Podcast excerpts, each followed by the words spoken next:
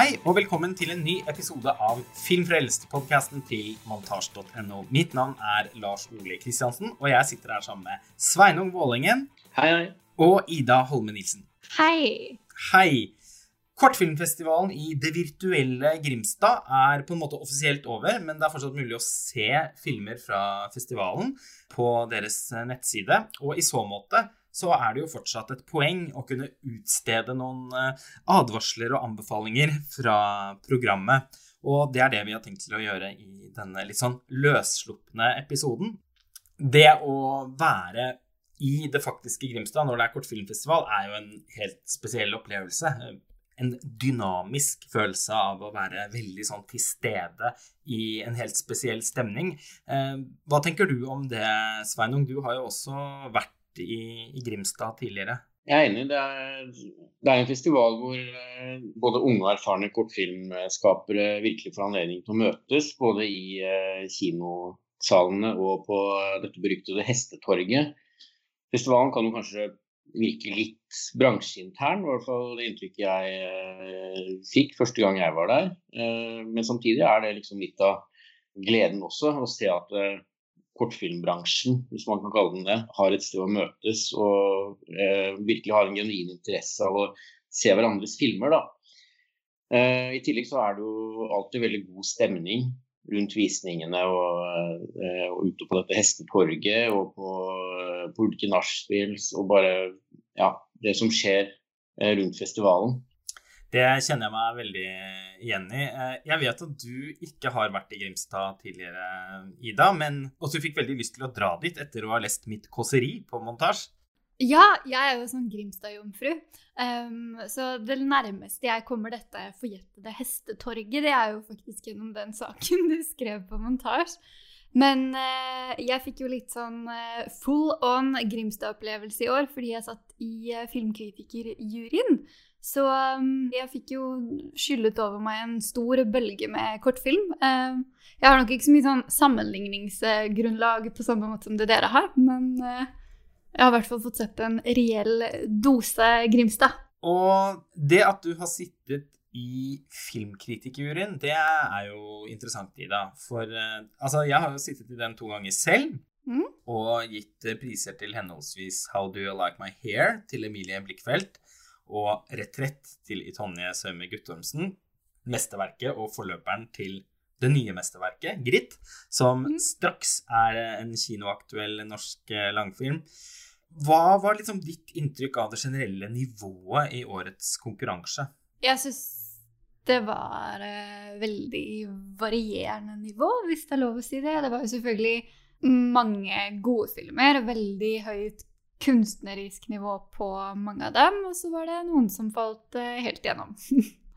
så det er vel som det skal være, tenker jeg. Ja, det er jo litt sånn det skal være. Det er jo alltid veldig varierende nivå i eh, det norske kortfilmprogrammet i Grimstad, og det er jo på en måte en del av sjarmen. Og det er jo tross alt også sånn at man heldigvis eh, mener litt forskjellig om de ulike filmene, og det er jo nettopp det vi skal finne ut av i løpet av denne episoden her, om vi tross alt har opplevd noen av dem ganske forskjellige. Og vi kan jo begynne med filmen som vant uh, din jury sin pris, Ida, nemlig Eivind Landsviks 'Sofia en sommer'. Hvordan ville du Mm. beskrevet den filmen? Den, eh, for meg så, så er det en sånn film som, som er som en veldig god ungdomsnovelle. Litt som en sånn eh, bok av Anna Bakke Vik. Og jeg fikk litt sånn vibe på eh, en kjærlighetshistorie møter Lost in Translation. En sånn veldig stemningsfull, ung skildring av både sånn sorg og håp. Eh, fantastisk foto. Utrolig bra spilt. Eh, Så det var helt klart eh, åpenbart en av de jeg ble mest imponert over.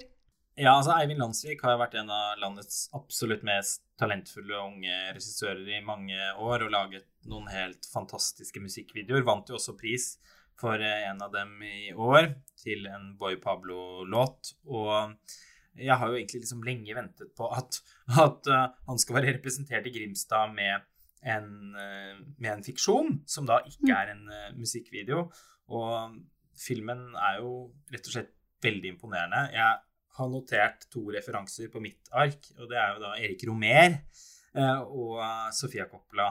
Mm. Det er en sensibilitet i både eh, den litt sånn impresjonistiske fortellingen og det visuelle uttrykket som trekker meg i retning eh, de to filmskaperne da. Og kanskje egentlig særlig Erik Romer og en film som Den grønne solstrålen, som jo også handler om å oppleve en sommer som ikke er helt sånn som man har drømt om. Kanskje nettopp fordi man ikke har planlagt eh, noe. Sveinung, jeg vet jo at Erik Romer står veldig høyt i kurs hos deg, og jeg antar at du også lot deg begeistre av denne filmen? Ja, det gjorde jeg absolutt. Uh, og det er klart Noe av det morsomme med Kortfilmfestivalen er jo å se om det dukker opp noen uh, nye stemmer. Men det er jo også litt gøy å følge noen av de som har vært representert der noen år. Uh, og når det da dukket opp en fiksjonsfilm av Eivind Landsvik, så var det kjempespennende å se hvordan den kom til å bli. Og jeg hadde litt forventninger til den, og de ble absolutt innfridd. Jeg hadde fått med meg hans fascinasjon for Erik Romer, og at filmen eh, skulle være litt inspirert av Romer. Som jo, det er helt riktig, han er en av de franske eh, nybølgeregissørene jeg liker aller best, og egentlig en av filmskaperne jeg setter aller mest pris på uansett. Filmen er også like også. Ja, ja veldig like. Og det er noe av det beste med Erik Romer. ja. Og som en sånn observerende fortelling der vi følger en kvinnelig karakter som som søker etter både seg selv og andre, kan man si, så har, den, har jo filmen utrolig mye til felles med flere Romer-filmer. Også det at det er et sommerlig landskap. det er jo De fleste av filmene hans handler jo om nettopp eh, somre. Og han er veldig flink til å bruke karakterer som liksom ja, passer veldig godt inn i det landskapet. Og det syns jeg Eivind Landsvik har gjort her også, med sin eh, casting av den kvinnelige karakteren. Det er liksom den sensibiliteten som du snakker om, Lars Ole, den er så veldig til stede hos eh, henne også. Og så syns jeg det var spennende å se hvordan eh, hun et godt stykke ut i filmen eh, ikke sier noe særlig, men med en gang hun begynner å snakke, så endrer på en måte karakteren eh, også personlighet. og Man merker at hun er kanskje mer selvsikker og mer på en måte synk med seg selv enn man kanskje får inntrykk av eh, i starten. Ikke så usikker, eller ikke bare usikker, i hvert fall. Sånn mm. som mange uh, unge mennesker er. Så ja, det, det, jeg følte også at det var en veldig god skildring av Os Oslo-sommeren. Hvor ensom og innholdsløs den kan være hvis man er alene. Det er liksom en tur på øyene, en tur på kino. Og, uh, ja, en film som hadde veldig mye kvaliteter. Ja, altså du er vel også Romer-fan, Ida, er du ikke det? Jo, jeg er veldig glad i den 'Fullmånenetter'. Ja, den er helt fantastisk. Den så jeg ganske nylig for første gang. Ja, den er helt magisk. Ja, den var virkelig helt Og hun er eh, helt magisk, snakker om. Ja, altså det var virkelig Det er en av de største filmopplevelsene jeg har hatt uh, så langt uh, i år. Så morsomt at uh, den skulle dukke opp i samtale nå. Men du nevnte jo også at du var imponert av hovedrollen i det, altså denne Ines Høysæter Assersson, som eh, også imponerte veldig i Harajuki til Erik Svensson for noen år siden. Ja, hun var helt fantastisk. Altså sånn eh, Hun bærer jo hele den eh, filmen. Hun, også, hun, bidrar også til å sånn, tilføye både bildet og stemningen en form for poesi som som jeg tenker man skal lete ganske langt for å, for å finne med en så ung hovedkarakter. Filmen er jo også veldig liksom elegant skrevet, syns jeg, strukturert. Mm. Og, og, klippet på en måte som eh, lager noen sånn Det lages på en måte mellomrom i teksten hele veien som man kan fylle inn selv, uten at det gjøres på en sånn insisterende åpen måte. Mm. Eh, og og foto, som du også nevnte, det er jo bare helt uh, fantastisk bra. Og jeg tenker, kan ikke bare noen gi Eivind Landsvik masse penger til å lage jo! en fantastisk uh, spillefilmdebut? Det er så mange pregløse norske kinofilmer som lages hvert år, og av og til så sliter jeg oppriktig med å forstå hvorfor ikke noen av de helt sånn himmelropende uh, talentene som, som Eivind Landsvik ikke får enda flere muligheter. Og det gjør at vi kan bevege oss over på en, en annen filmskaper som jeg også har fulgt nøye lenge, og som jeg har veldig tro på. Nemlig Malene Lyngstad, som eh, konkurrerte med filmen 'Veggdyr'. Og den har jo Andrea Berntsen i hovedrollen, som eh, vant Amanda for beste kvinnelige skuespiller for Utøya 22. juli for noen år siden. Hva tenker dere om den? Den har jeg faktisk ikke sett. Jeg syns den var eh, Den likte jeg veldig godt. Den eh, er i hvert fall på min som personlige toppliste. Den prøver liksom å inkludere en sånn, sånn sosial bevissthet som jeg ikke syns den kledde så godt. Altså, for min del så hadde den Den handler om et kollektiv hvor den ene klarer å ta med seg noe så smittsomt og ugunstig som veggdyr. Ja, veldig Eh, ugunstig dyr. fryktelig ugunstig dyr, for det er også fryktelig vanskelig å bli kvitt. Ja, fryktelig dyrt å bli kvitt. Og fryktelig dyrt å bli kvitt. Og da er det litt sånn at man har pest, og det er ingen som vil ha en hjemme hos seg, fordi det er faktisk veldig lett å overføre veggdyr fra et sted til et annet. Um, så hun blir litt sånn contagious på en måte i seg selv, og frastøter disse to kollektive venninnene. Og det er jo liksom de fleste jeg vet jo det at når man har sånn tre venninner, så er det jo en utfordring i seg selv. Men hvor hun da må flytte ut og har ikke egentlig noe sted å, å dra. Altså denne karakteren som Andrea Berntsen spiller. Og så mens de får renset dette veggdyrinfiserte boet sitt. Den filmen hadde egentlig passet fint til å bare holde seg i den problemstillingen, og ikke begynte å inkludere sånn romfolk og fattigdom. Altså, den hadde ikke trengt den dimensjonen, i hvert fall ikke for min del. Nei, jeg deler jo den oppfatningen, naturligvis. At jeg syns at det klapper litt sammen eh, i det filmen på en måte skal tilskrive seg en slags eh, en sosial, eh, humanistisk agenda som, som den virkelig bare ikke trenger. Fordi Mm, mm, mm. situasjonen i utgangspunktet er så morsom, og tross alt Ja. på en måte ganske gjenkjennelig. Jeg har aldri opplevd veggedyr selv, takk og pris, men jeg kjenner folk som har, har gjennomgått det helvete. Og det at man da på en måte per definisjon er en ubuden gjest, er jo et innmari morsomt utgangspunkt. Eh, Og filmen er helt vanvittig bra fotografert, eh, Ja, i likhet med den forrige filmen til eh, Marlene Lingstad, 'Onanerende subjekter', som kon- konkurrerte i fjor. Det er på en måte så er så preget av god smak, da, akkurat som hos Eivind Landsvik. Mm. Her eh, tenker man på, på Xavier Lan og André Arnold, kanskje, først og fremst. Og fotografer som André Turpin og, og Robbie Ryan, og det er naturligvis et stort eh, kompliment. Eh, her er selve filmskapingen så overveldende god. Lyddesign er så bra òg. Eh, produksjonsdesign, altså. Det er helt sånn eh, slående og, og veldig eh, i den kategorien at nå kan du bevege deg til å lage spillefilm. Selve liksom, filmskapet, muskulaturen til Malene Lyngstad, er eh, så slående, da. Ja, veldig, veldig enig. Den var, ja. Og hun spiller jo også veldig godt uh, Andrea Berntsen, syns jeg. Jeg har faktisk opplevd det her med ikke å ha veggdyr selv, men at noen har prøvd å overnatte hos meg eh, mens de har hatt veggdyr, og det er, oh, det er et blankt nei, for å si det sånn. De er sånn flate og, og ganske ekle, og det får de også veldig vist i denne, i denne veggdyr, eh, hvor det er mange close-ups av faktiske veggdyr. Ja, det er jo noen sånne elementer av body horror her som jeg syns Ja, eh, lykkes veldig eh, godt. Og det er jo bare en oppfordring da, til å alltid legge litt ekstra penger i hotell når man er ute og reiser. Ikke bare for komforten sin skyld, men også for å slippe å ha med ubudne gjester hjem da, i, i kofferten. Lukk kofferten, sier jeg bare. Ja. Vi kan bevege oss videre til eh, en film som har fått relativt mye oppmerksomhet, har jeg følelsen av, nemlig Farsen. Den har du også sett, eh, Sveinung. Ja, de var jo De ble jo vrinsket iherdig fra det digitale hestetorget på, eh, starten av festivalen.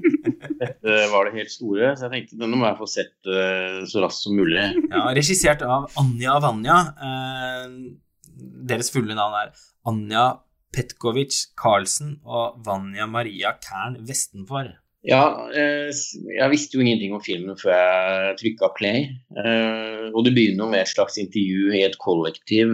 Eh, det er en person som er en aktuell kandidat for å flytte inn. Så er det litt klein stemning i starten, men det utvikler seg jo ganske raskt til en utagerende mimelek. Det stemmer, og mimeleken den smitter på en måte, og øker i temperatur, og blir etter hvert en slags vanvittig voldsom performance der alle er intenst til stede i, i sine nye eh, rollefigurer, og det tar bare helt av, rett og slett. På en måte som jeg ikke kunne få nok av da. Eh, den type villskap eh, som er i den filmen, det skulle ønske man så mye oftere i, i norsk film. Er, den hadde ikke bissel, for å si det sånn, da, apropos hestetorg og, og vrinskingen der. Ja, Nei, jeg, jeg, er litt enig med deg. Eh, samtidig så tenker jeg at denne type eh, ja, voldsomhet egner seg veldig godt i kortfilmformatet. Du syns kanskje langfilmversjonen av denne ville vært litt vel jeg har en morsom referanse å komme med her som jeg tenkte på underveis i filmen, nemlig ja. Andrej Sulavskij. Ja, ja, ja, ja, ja, totalt. Jeg elsker jo 'Possession', det er en av mine favorittfilmer. Men i flere andre filmer som jeg har sett av han, så blir det rett og slett for mye. Det er så utagerende og intenst og teatralsk at det er helt utholdelig. Eh, mens her var det på en måte Det var litt samme stilen her, bare at det var i kortfilmformat. Eh, og det var gøy. Det likte jeg. Altså, du, det er jo bare en så innmari presis eh, referanse da, i en sånn film som La Femme Publique, f.eks., så blir det veldig filleristende. eh, mens i Possession så er jo Det er jo kanskje den filmen da, hvor han klarer å liksom balansere litt. Men han, eh, er det Heinrich han heter? Han uh, tyske karakteren som er sånn solbrun og forferdelig? Ja, riktig. ja. Mm. Hans sånn spastiske væremåte eh, er jo noe man kan få assosiasjoner til eh, i løpet av farsen. Ja, det er det. Jeg må også si da at den, den der gullfisken som hun setter i halsen jeg, jeg, satte faktisk en slurk vin i halsen eh, ganske kort tid før jeg så den filmen. Og det var faktisk en ganske fæl opplevelse. Jeg, jeg, tror egentlig ikke at det var så alvorlig som jeg opplevde det som, men jeg var sammen med noen andre, og eh, det var veldig ubehagelig. Uh, så den, den gullfiskscenen føltes veldig autentisk og uh, litt sånn Hjertet slo litt ekstra, rett og slett, når jeg så den i filmen. Hvis det var godt spill. ja, uh, hva tenkte du, Ida? Den, den, ble jo ikke tildelt noen pris eller hederlig omtale fra filmkritikerjuryen? Nei, nå kan jeg bare snakke for meg selv, men jeg syns kanskje den var litt uutholdelig, jeg. Eller for så vidt. Den begynte veldig bra. Jeg syns det var veldig godt spilt, hele den der sånn eh, litt sånn jobbintervjuaktig situasjonen når man skal bli på sånn sosialt intervju for å komme til et nytt kollektiv. Det er liksom litt sånn de klammeste sosiale normene utstilt, hvor det blir veldig sånn hvor de har etablert et vi, og man skal liksom prøve å passe inn i noe som er sånn fryktelig etablert i forveien. Ja, en grusom situasjon. Ja, det er helt fryktelig. Ja, det er sånn 'jeg velger døden'. Ja, ikke sant. Men jeg er jo bare sånn personlig litt allergisk mot sånn uh, improteater. Og når det, begynner å, altså når det begynner å lukte litt sånn Og vi improviserte dette fram i en teaterlek. Og så bruker vi det fordi det føles så liksom sånn genialt og opplyst i det øyeblikket man driver og roper hverandre opp i ansiktet og sånn. Og hvor jeg kanskje ikke syns det fungerer så godt på film. Og at det ble litt mye i denne sammenhengen også. Det begynte morsomt med mimeleken, og så gikk det litt for langt. Høres ut som en litt sånn furten tilbakemelding. ja, litt furten tilbakemelding. ja, jeg skjønner at dere har det gøy, at dere har det gøy og sånn, men kan dere ikke prøve å være litt stille også? Jeg prøver å lese jo, her. Men sånn, vet du hva, vet du hva Lars Ole? Det er faktisk ganske sånn én til én, sånn jeg følte meg også. Med brillene litt sånn på nesa og ja ja, vet du hva, det er, det er Ross Friends når han ber dem om å dempe seg. Sånn, det er meg på den filmen. Det er helt riktig. Eh, vi kan bevege oss eh, et annet sted, nemlig inn i dusjen. Eh, bokstavelig talt. For det er da en slags hybrid dansedokumentar i konkurranse som heter 'Fortellinger fra dusjen', og som kanskje er min favoritt fra Grimstad i år. Jeg ble innmari imponert over mange elementer i den filmen. Den handler jo da om unge mennesker eh, som går på skole, som syns det er fryktelig vanskelig å benytte seg av tilbudet om felles dusj etter gymmen. Og det er jo et tema som har vært diskutert i mange avisartikler og sånn de siste årene. Det har jo på en måte skjedd et skifte i kulturen der, takket være eh, mobilkameraer osv. Eh, så Og ikke minst et, et sånn ekstremt eh, kropps- og utseendefokus i, i media som gjør at veldig mange blir ekstremt selvbevisste i, i den situasjonen allerede fra veldig ung alder.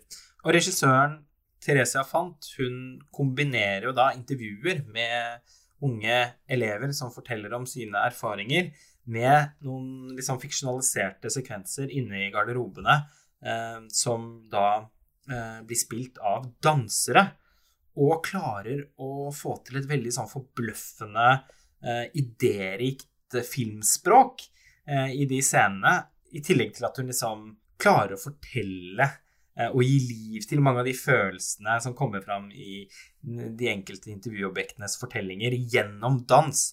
Og på toppen av det hele så er det da et originalkomponert soundtrack til filmen som ligger i sin helhet på eh, Spotify med mange spor, komponert av Nicolas Noah, som altså er på et nivå som eh, man veldig sjelden opplever i norsk film, være seg lang eller kort. Jeg har sittet og hørt på det soundtracket non stop ja, i eh, dagene etter at jeg så filmen. Mektig imponert. Her tenker jeg man snakker om en, ganske sånn betyd, mange betydelige talenter involvert. Eh, hva er din dom, Sveinung? Absolutt en av mine favoritter også. Og jeg ble veldig imponert, uh, i likhet med deg, over mange ting ved filmen. Jeg tenker dette må være en uh, filmskaper som har en, et utrolig talent for skuespillerinstruksjon. Og liksom få disse menneskene i filmen til å åpne seg for kamera på den måten. Det føles faktisk litt som et viktig prosjekt. Eh, man har hørt så mye om kroppspress og sånt i forskjellige sammenhenger, men her liksom fikk jeg virkelig inntrykk av hvor, hvor lite som skal til, hvor sårt det er. At det er liksom nok en spøk eller et bilde som blir lagt ut. Eh, og så er ting eh, på mange måter ødelagt. Man kan ikke dusje, man kan ikke vise fram kroppen sin foran andre. Og det her med dansescenene Jeg måtte se den Q&A-en, for jeg var veldig eh, som ligger på, på nettet også. for jeg var veldig spent på hvem de her danserne var. fordi det er veldig åpenbart for meg i hvert fall at eh, det er en Det står jo også på, på, rulleteksten at det er en koreograf som har vært involvert. Og det er veldig eh, kul eh, samtidsdansaktig koreografi. Og kjempebra filming av den dansingen også. Samtidig så er de ikke så flinke. Det er liksom bare veldig gøy og fascinerende. og det Teresa Fant fortalte i Q&A-en også, var at det, det er jo ikke profesjonelle dansere, men, men noen har hatt erfaring, andre ikke, så vidt jeg forsto. Eh, og det er bare så utrolig vakkert å se de kroppene i bevegelse i en slags sånn skjør dans, hvor koreografien er veldig Koreografien er veldig proff, det ser liksom veldig flott ut, og de bare hengir seg til den. Så jeg var også veldig glad for at den dansen fikk så mye plass da, som den gjorde. Ja, og den er som du sier litt sånn Det er noe skjørt eh, der, og den er liksom preget av, eh, levd, eh, altså av levende liv, og det å være i den situasjonen og blir derfor veldig sånn his aktivt historiefortellende, syns jeg. Ja, så tenker jeg også eh, En ting som slo meg også underveis, var liksom det med dusjen som fenomen. Det er jo også noen sånne mer stille bilder av bare tomme dusjlokaler eller garderobelokaler. Og det er jo på en måte noe som er kjent for de aller fleste uansett hvor, uh, hvor, gammel man er. Og så tenkte jeg kanskje den der garderobekulturen heller ikke er så uforandret sånn gjennom årenes løp. Håndklær virvlet sammen til en uh, tornado av tøy som slynges gjennom luften for å treffe bar hud. Det er jo ja, så sånn som det har sagt uh, Sveinung. Og jeg ble litt sånn slått av at kanskje det er mulig å gjøre noe med de rommene også, så de ikke ser så skrekkinngytende ut. Altså, det er en veldig morsom scene der hvor to jenter uh, går inn og kommenterer liksom, hvor fælt det egentlig er der. Ja, en slags paring, nærmest. Ja, og det er jo veldig innmari vanskelig å si seg uenig, da, når man, når man uh, studere rommene gjennom eh, kamera i, i, filmen. Det er sikkert mange måter man kunne løst den situasjonen bedre på, men det virker jo også uh, som at det på en måte er et slags tema ingen vil ta i. Fordi det er vanskelig å presse noen til å gjøre noe de ikke vil. altså Det er jo et overgrep, på en måte. Og uh, på den andre siden så har man litt sånn ja, gammelmodige, reaksjonære lærere som syns at herregud, da, det må være Kom igjen, få av fillene! Sånn har det mm. alltid vært. Så, det er bare kroppen. Ja. og det er jo helt åpenbart at så enkelt er det jo ikke. Det er jo ingen som syns det er så det er veldig få tror jeg, som syns det er så enkelt, og særlig da i, i, dag, hvor det er så mange ting ved kulturen som styrker en sånn selvbevissthet, og som sagt allerede fra folk er innmari unge, da. Så jeg syns det er veldig flott at det er laget en så frittalende og og, og, klok film om den tematikken, som i tillegg er veldig grundig kunstnerisk behandlet, og som gjør noe nytt, og som er imponerende i mange fagfunksjoner. Utrolig fint foto i de dansesekvensene. Og er i hele tatt et innmari imponerende stykke arbeid. Jeg gleder meg veldig til å se hva regissøren eh, gjør i framtiden. Mm. Det er jo noen skikkelig erfarne kortfilmregissører med i program også. Eh, det er jo gjerne sånn at aldersgjennomsnittet blant de som deltar i, i hovedkonkurransen, holdt jeg på å si, den norske kortfilmkonkurransen i Grimstad, er relativt lav. Samtidig som eh, forhåndsjuryene alltid også sørger for å gi plass til noen sånn kortfilmmestere, da, som i en årrekke har på en måte perfeksjonert og jobbet bevisst med kortfilmen som et helt spesifikt uh, format. Og da tenker jeg f.eks. på Gunhild Enger, da, og hennes Play Schengen. Gunhild Enger er jo en av på en måte relativt få vaskeekte norske kortfilmautører. Hun har jo eh, også spillefilmdebutert eh, med den fantastiske Knutsen og Ludvigsen 2, mm. som ble nominert til to Amanda i dag. Men er jo fortsatt først og fremst kjent for eh, sine humoristiske kortfilmer. Sveinung, har du noe forhold til eh, Gunhild Enger fra før av? Jeg så Play Schengen, og jeg ble ikke noe sånn kjempebergtatt av den, altså, må jeg innrømme. Men kanskje det hadde vært annerledes hvis jeg hadde sett mer av henne. Altså, hun er jo en veldig sånn særegen uh, stemme, da, syns jeg. Med Hun har på en måte et, et, et skråblikk som, som, også er veldig varmt, og som forsøker å liksom bore igjennom alle sånn, strukturer, forventninger, eh, roller, maskespill, gruppetenking. Eh, ikke så ulikt det Ruben Østlund holder på med, men, men med en litt annen type komisk eh, snert. Og det er sånn flokkdyrbevegelser og sånn opplever jeg at eh, og, og, sosiale tilpasningsevner. Og måten vi underlegger oss dem på i så At vi på en måte nekter oss selv å si det vi egentlig mener i, i, mange situasjoner, er veldig spennende utforsket, syns jeg, i, i, mange av hennes uh, filmer.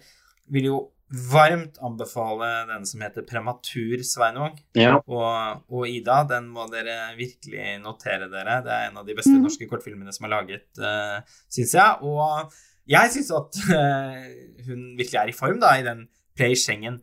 Ikke minst fordi at jeg syns at ideen er så vanvittig bra. Altså, den forteller jo da om et spillselskap som utvikler, utvikler et dataspill Den forteller da om et spillselskap som utvikler et dataspill for barn om EU og Schengen. Og vi følger da to spilldesignere når de eh, liksom forsøker å eh, omdanne Schengen til pikselgrafikk i et forsøk på å gjøre visumproblematikk fengende for barn og unge. Eh, det syns i alle fall jeg er et veldig morsomt utgangspunkt for komikk. Hva tenker du, Ida? Jeg syns det var en veldig morsom eh, idé. I likhet med Sveinung så var ikke det sånn en av de filmene som fenget meg så veldig. Jeg syns jo det var veldig morsomt og veldig sånn østlundsk uh, også dette med dette orkesteret som skal lage lyden av EU, eller Det er jo i seg selv så morsomt at uh, filmen ja, må vinne pris. Morsomt. Men det var ikke der den falt gjennom for meg. Det var mer, det var mer fordi jeg ikke syns uh, Jeg syns det ble litt sånn revyaktig med disse, med disse um, spillskaperne. Jeg syns ikke det elementet var så velspilt heller. Um, jeg syns jo det var litt gøy det der med eksperimentell jazz, som er litt sånn så på det nivået som de voksne snakker i Knøttene. Um, sånn, jeg vet ikke, Baltus Brun og Snoopy og sånt. Da har alle de voksne sånn trompetstemme. Um, men uh, ja, jeg syns ideen var kjempemorsom, og så syns jeg det skortet litt på utførelsen, rett og slett. Nei, jeg er enig at ideen var veldig, veldig morsom, og kanskje jeg er liksom uunngåelig, eller at det ble uunngåelig for meg å sammenligne med f.eks. Eh, Ruben Østlund og noen andre som har holdt på med noe litt lignende utførelse av sånne typer ideer. Jeg er egentlig bare veldig enig i det Ida sier. Eh, jeg setter pris på de ideene som dukka opp i filmen, absolutt. Jeg skulle kanskje bare ønske at det at jeg syns det var enda litt mer morsomt og meddrivende. Jeg syns fall at de øvelsene og liksom samarbeidssituasjonene med det orkesteret står for de morsomste scenene jeg har sett i noen kortfilm i, i år. Vi kan bevege oss videre til eh, en annen veldig erfaren kortfilmskaper, nemlig Ellen Ugelstad og hennes The Wonders Beneath the Sea, som da fikk eh, hovedjuryens pris for beste film, altså Gullstolen. Og Play Schengen til Gunhild Enger mottok deres hederlige omtale, så nå er vi jo da inne på liksom de store prisvinnerne. Ida, eh, du har jo et helt spesielt forhold til eh, det undersjøiske, kan jeg fortelle lytterne, i og med at jeg kjenner deg veldig godt. Ja, jeg syns jo alt dette som er litt undersjøisk, er litt sånn skrekkblandet frydindusert. Og The Wonders Beneath the Sea spiller jo på det i veldig stor grad.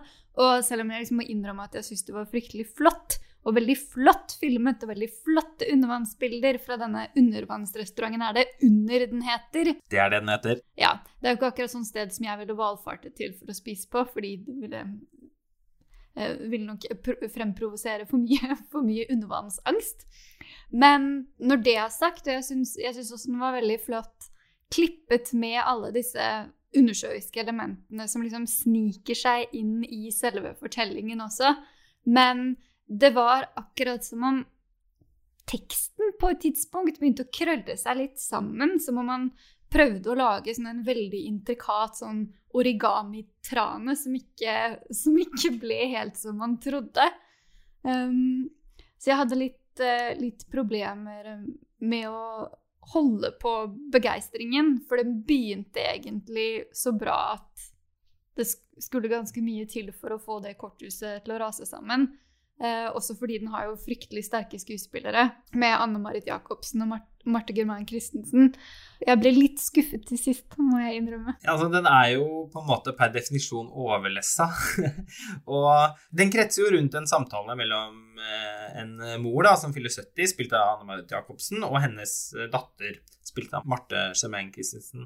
Og vi får på en måte bli en gjest da, som sitter eh, rundt bordet sammen med dem på denne spektakulære restauranten under i Lindesnes, som mottok en Michelin-stjerne i, i, fjor. Så det er ikke bare Det må åpenbart skje noe spennende ute på kjøkkenet der også. Og vi blir jo da liksom sittende og eh, lytte til en samtale som jeg tenker at er litt interessant, fordi den veksler sånn mellom det veldig generelle og det veldig intime. Mm. Og på en eller annen måte så opplever jeg at det også blir litt en sånn pandemi kommentar. da. Det er både liksom nærhet og, og, stor avstand om hverandre. Og det er noe med hele den settingen, da, der restauranten, eh, som jo eh, eksisterer, da, eh, den inviterer liksom alle gjestene sine under, under vann i denne sånn underlige og veldig iøynefallende arkitektoniske konstruksjonen. Og blir jo da liksom et stort terrarium som er plassert der eh, ute i sjøen. Og i løpet av filmen så er jo også restauranten nesten sånn forlatt. Eh, og det å se de to sitte der i den settingen eh, gjorde på en måte at jeg følte at selv om dette her ikke er noen film om koronapandemien, så tenkte jeg at den kanskje ikke kunne vært laget uten. Nei, og spesielt fordi de ikke får noe mat. Nei, de får jo alle altså, de, de, får jo ikke så mye som en sjøkreps. Og det er litt sånn urettferdig element, men det fokuserte jeg veldig på. Jeg satt og ventet på denne fantastiske og fryktelig fotogene maten som skulle komme tronen inn. Den kom aldri. Jeg satt også og ventet på noen sånn eh, vakkert danderte kamskjell med noe aske fra noe purre og, og noe sånt noe. Nemlig. Men eh, de uteble. Eh, Sveinung? Ja, nei, interessant å høre deres tanker om filmen. Jeg er litt enig med dere begge. Jeg tenker jo litt sånn at ja, kanskje ikke filmen kunne vært laget uten korona, men hva hadde den blitt eh, hvis ikke det hadde vært korona? Fordi at det er jo på en måte en, en slags sånn litt en antifilm. Det er jo så utrolig mye man ikke får se. Både maten og eh, gjestene rundt og, man får liksom disse undersjøiske bildene, da. Og ser noen, eh, noen dyr under vann. og Vi er jo også utenfor restauranten på et tidspunkt. Men eh, eh jeg følte at til å være en så dialogdreven film Det er jo veldig mye sånn shot reverse shots mellom de to karakterene, som sikkert er et veldig bevisst valg, men det er en veldig dialogdreven film hvor jeg ikke syns at samtalene var nok spennende, rett og slett. Og jeg syns at det var litt unaturlig hvordan den løp fram. Og det skyldes ikke skuespillerne, jeg tror det skyldes, skyldes um, ordene som er lagt i munnen på dem. Så jeg satt liksom og venta på at det skulle bli enten mer emosjonelt engasjerende, eller at det, liksom, ja, at de skulle ta opp noen temaer som jeg bare syntes var spennende å høre på. Og det her 17. mai og nasjonalisme og sånn, det, dette er jo ting jeg har hørt folk diskutere liksom overalt mange ganger før. Jeg, jeg savna liksom noe mer. Jeg savna å bli klokere eller eh, bare at filmen skulle utvikle seg til å bli mer morsom eller et eller annet. Jeg syns det var litt sånn Ja, det ble litt halvveis, rett og slett. Den er litt eh, vag, men jeg vet ikke. For, for, min del så var det noe av det som gjorde den liksom fascinerende. Og jeg var veldig begeistra for uh, den litt sånn Eh, poetiske bildestrømmen der. Altså de montasjene og sånt som slår innover som bølger i filmen med jevne mellomrom, de ble jeg på en måte fanget av. Mm. Verdt å nevne at uh, Ellen Ugelstad da med denne vant Gullstolen for andre gang, fordi hun uh, mottok også prisen for Den grønne dalen i 2017. Ja, jeg bare kommentere en ting med det. fordi Jeg tenkte på den, den filmen som hun vant uh, sist med. Ja. Den har jo litt av den samme tematikken når det gjelder liksom der man skal blande seg eller ikke, når noen trenger hjelp, eller det å bry seg. og sånt. Og jeg, og jeg syns uh, det var mye mer interessant i den filmen. Jeg syns liksom her så ble det det blir litt for stor avstand til tematikken, rett og slett. Men eh, spennende prosjekt som hun har gående, hvis liksom dette er en type tematikk som hun er spesielt engasjert i. Ja. Dette bringer vel oss over på temaet koronaspesifikk kortfilm. For det er jo også da noen av dem i programmet, f.eks. Carlsens i karantene til Tove Undheim, skrevet av filmkritiker par excellence Aksel Kielland. Hva tenkte du om den, eh, Ida? Jeg tenkte at det, var, det hørtes ut som et sånt konsept som du, du kunne ha skrevet. ja vel? Altså, hele filmen er jo en pitch om sitcomen Carls, Carlsens i karantene. Som er litt sånn Carl og Co-aktig sitcom. mm. Som foregår i ett studio, som selvfølgelig er fryktelig koronavennlig. Fordi man slipper å dra ut på masse locations og sånn. Hun er jo Eh, veldig god hun Er det Katrine Toreborg hun heter? Ja, stemmer. Hun er jo en veldig god skuespiller, men eh, den ble ikke sånn morsom nok, eh, syns jeg, i forhold til hva den prøvde på. Eh, og den varer jo også kun i hva er det, sånn tre minutter, eller Den er veldig kort. Det er en veldig kort eh, kortfilm? En veldig, veldig kort kortfilm. En bitte liten kortfilm. Det var eh, morsomt, men ikke så morsomt. Jeg har satt pris på den jeg som et litt sånn intermesso i en av NK-programmene. Det er jo gjerne sånn at forhåndsjuryen eh, smetter inn noen sånne små eh, pustehull mm. innimellom der, og veldig fine bilder av, av et sånn forlatt pandemisk Oslo mot eh, slutten der. Eh, så du den, eh, Sveinung? Ja, det gjorde jeg. Det var faktisk den siste filmen jeg så. Det var en liten anbefaling fra en kollega på, på Verdensteatret, Cinemateket, hvor jeg jobber. Eh, jeg er veldig glad for at jeg så den. Jeg syns det var en kjempeartig snutt. For det er det det er, da. Det er jo en liten snutt. Men eh, som det, kjempeartig. Ja, jeg er enig i det. Også fordi at den på en måte sier noe om den litt sånn kreative bursten mange har opplevd å få, da. I særlig den tidligste delen av koronaen. Da var det mange som eh, liksom ga seg i kast med et lenge utsatt skjønnlitterært prosjekt, eller så tenkte at endelig skal jeg få skrevet det manuset, eller omsider skal vi få i gang den artikkelserien på montasje og litt sånn. Så jeg opplever en viss grad av uh, gjenkjennelse Det er òg veldig morsom tittel, da. Kanskje den beste tittelen eh, i Grimstad. Ja, tittelen var veldig morsom. Det er jeg helt enig i. Jeg så også en annen eh, koronaspesifikk LOL-film, 'Social Distance', som da handler om to stykker som står på et busstopp, og han ene blir fryktelig lei seg over en tekstmelding han får, og den andre, som da er en eldre mann, åpenbart i risikogruppe, som eh, eh, Som eh, først da tenker at han naturligvis må opprettholde den avstanden de har blitt anbefalt av myndighetene. Han klarer ikke til slutt å, å la denne mannen stå der og, og, og hulke, så han eh, går bort til ham for å liksom trøste han, og da viser det seg at den tekstmeldingen som han har fått, er da at han er, koronapositiv. Det er jo Det har ingenting med film å gjøre, dette her. Men eh, det var jo en litt morsom snutt. Ja, var, det var sånn artig pausefisk, syns jeg. Jeg er helt enig.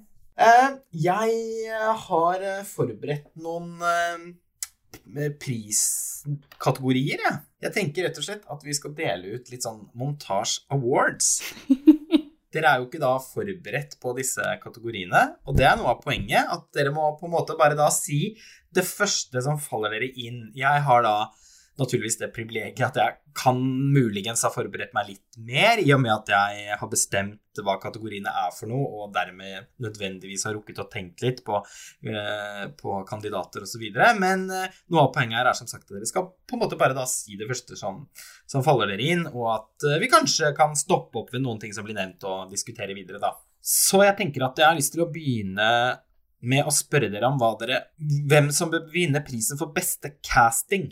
Altså, hvilken rolle i filmene er den best castede?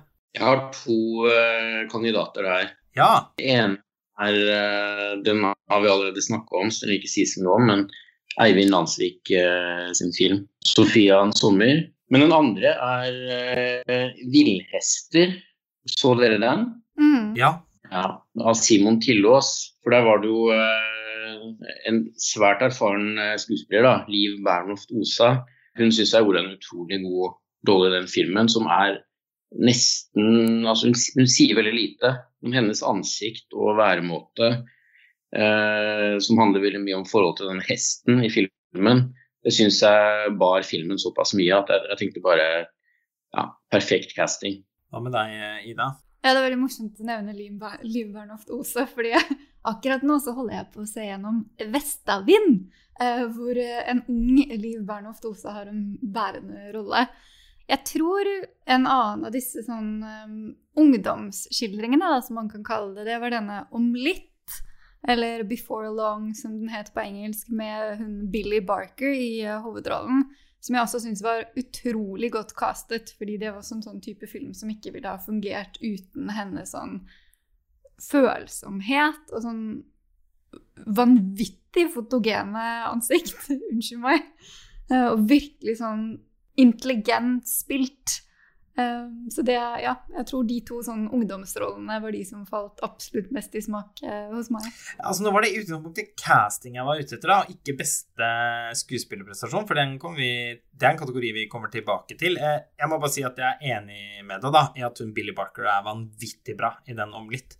Som er en film jeg ikke ikke prioritert å se på nytt igjen eh, i forbindelse med Kortfilmfestivalen, men som jeg så i fjor, da den var eh, eksamensfilm fra Den norske filmskolen, og var da en av de to filmene jeg syns var best eh, fra det kullet. Eh, jeg har lyst til å nevne Kjersti Fjelstad, ja, som mange av oss eh, som vokste opp på 90-tallet, fortsatt forbinder med komiserien Bot og bedring på TV 2. For hun dukker opp i bunad og gjør en kjempemorsom eh, rolle der som en bunads en bunadssyerske som eh, forholder seg ganske beskt til en, eh, en 14-åring som snart skal stå til konfirmasjon, og som eh, ja, kommer på denne slags setra hennes for å få spesialsydd en bunad som viser seg å på ingen måte være tilpasset kundens kroppsform. Ida, dette er jo også en film jeg vet du har sett. Jeg likte den veldig godt, jeg. Ja, jeg også. Også fordi i likhet med denne hovedpersonen så har ikke undertegnet en sånn typisk bunadskropp. Det føles veldig ofte som et, en egen sjanger. Og da kan man bli litt skuffet når man står der og ikke, ikke ser ut som alle de andre i bunaden. Nei, den var fryktelig, fryktelig morsom. Og også veldig velspilt. Jeg er helt enig med deg, Lars Ole, at eh, hun eh, Kjersti Fjelstad i den eh, bunadssyerske rollen var eksepsjonelt kostelig. Ja, hun leverer skikkelig, og, og også veldig nydelig casting av hovedrolle. da, Hun som spiller hun jenta som skal få sin første bunad. Veldig mm. sånn fint ansikt og uh, uttrykksfull, og akkurat liksom Hun evner å uh, formidle sårheten på en måte som også har en lett komikk ved seg, som er veldig riktig for for, for, den filmen. Eh, jeg må da nevne at filmen er klippet av eh, min kjære venn og kollega Karsten Meinick, som, som uh, lytterne våre kjenner godt til. Så i så måte så kan man sikkert være litt uh, påvirket av det, selv om jeg jo uh, neppe ville nevnt filmen hvis jeg faktisk ikke likte den. Neste kategori er da Gordon Willis-prisen for beste foto. Og Eh, mitt valg her blir da rett og slett veggdyr med Sofia en sommer på sterk andreplass.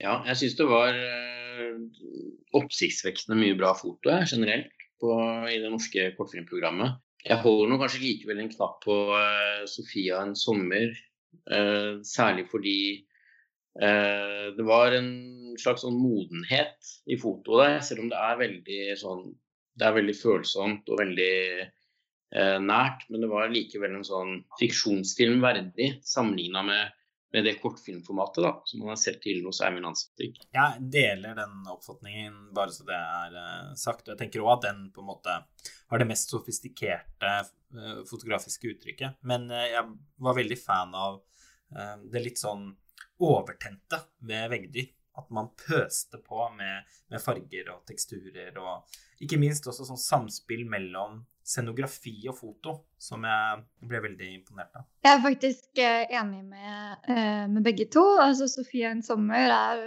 helt i topp eh, hos meg, og jeg likte også veldig godt foto i begge dyr. Jeg hadde bare lyst til å nevne en annen film som jeg syns var veldig flott fotografert, og det var den som het 'Ungene'. Ja, den har ikke jeg sett. Den var skutt på film, og den var veldig, også veldig flott fotografert, selv om fortellingen ikke var ja, på samme nivå som de to andre har nevnt. Hvilken eh, film eh, sto for den beste klippingen, da, syns dere?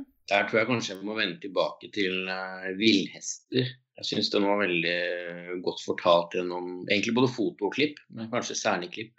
Ida? Ja, da har jeg en uh, film som jeg ikke vet om dere har sett, som heter 'Lonely Cowgirl', som jeg syns var veldig bra klippet. Nei, den tror jeg ikke har vært borti. Kan du fortelle litt om den? Ja, det var en sånn uh, Altså, det var en altså Jeg holdt på å si en sånn åpenbar, en sånn åpenbar debutkortfilm.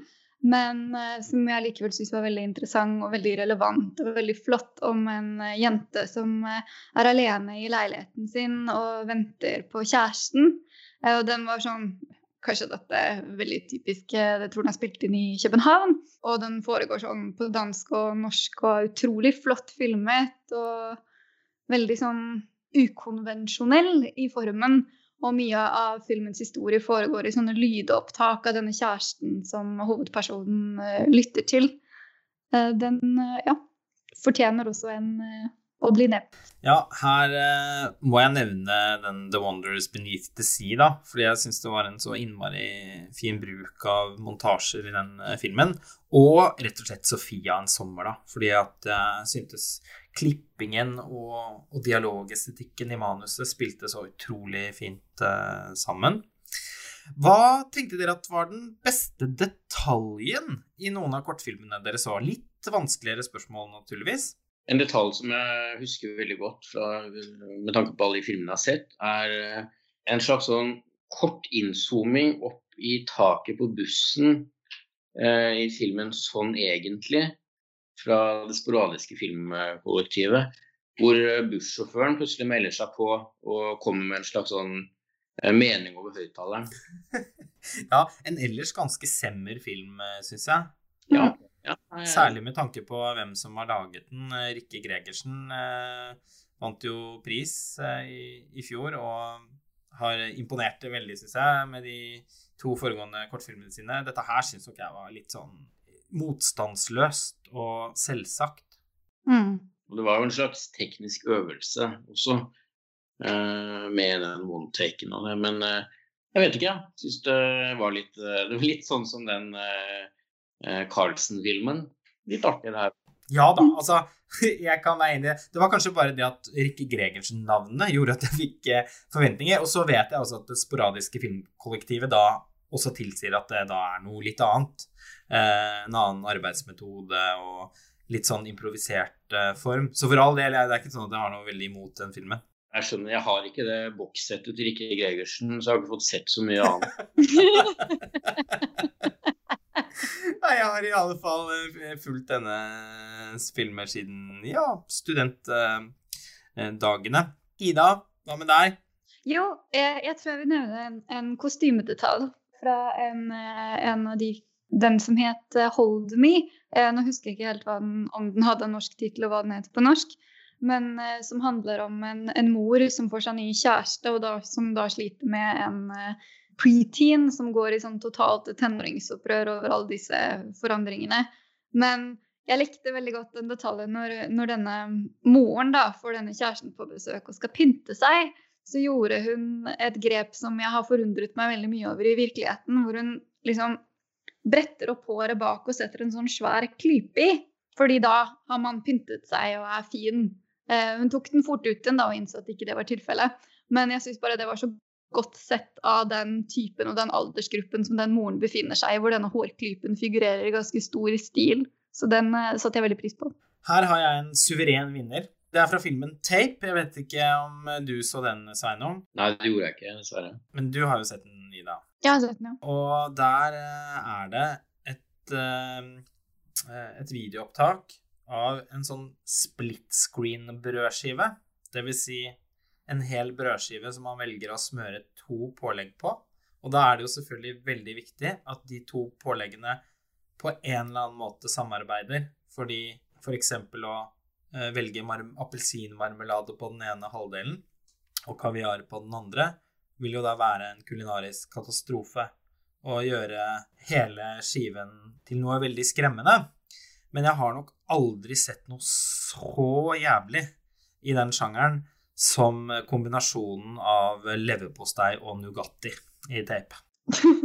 Det er da rett og slett en split screen brødskive med leverpostei og Nugatti. Kan dere tenke dere noe verre? Nei. Nei, det var ganske Jeg liker ingen av delene, så virkelig nei. nei. hvilken av filmene dere så hadde den beste ideen? Det beste premisset? Ja, til tross for at ikke jeg var så begeistra for Play Schengen, så syns jeg kanskje at det var den beste ideen. Ja, det er jeg enig i òg, da. Jeg syns også dataspillutviklingen i Play Schengen må vinne den prisen. Ja, det må jeg også si meg enig i, faktisk.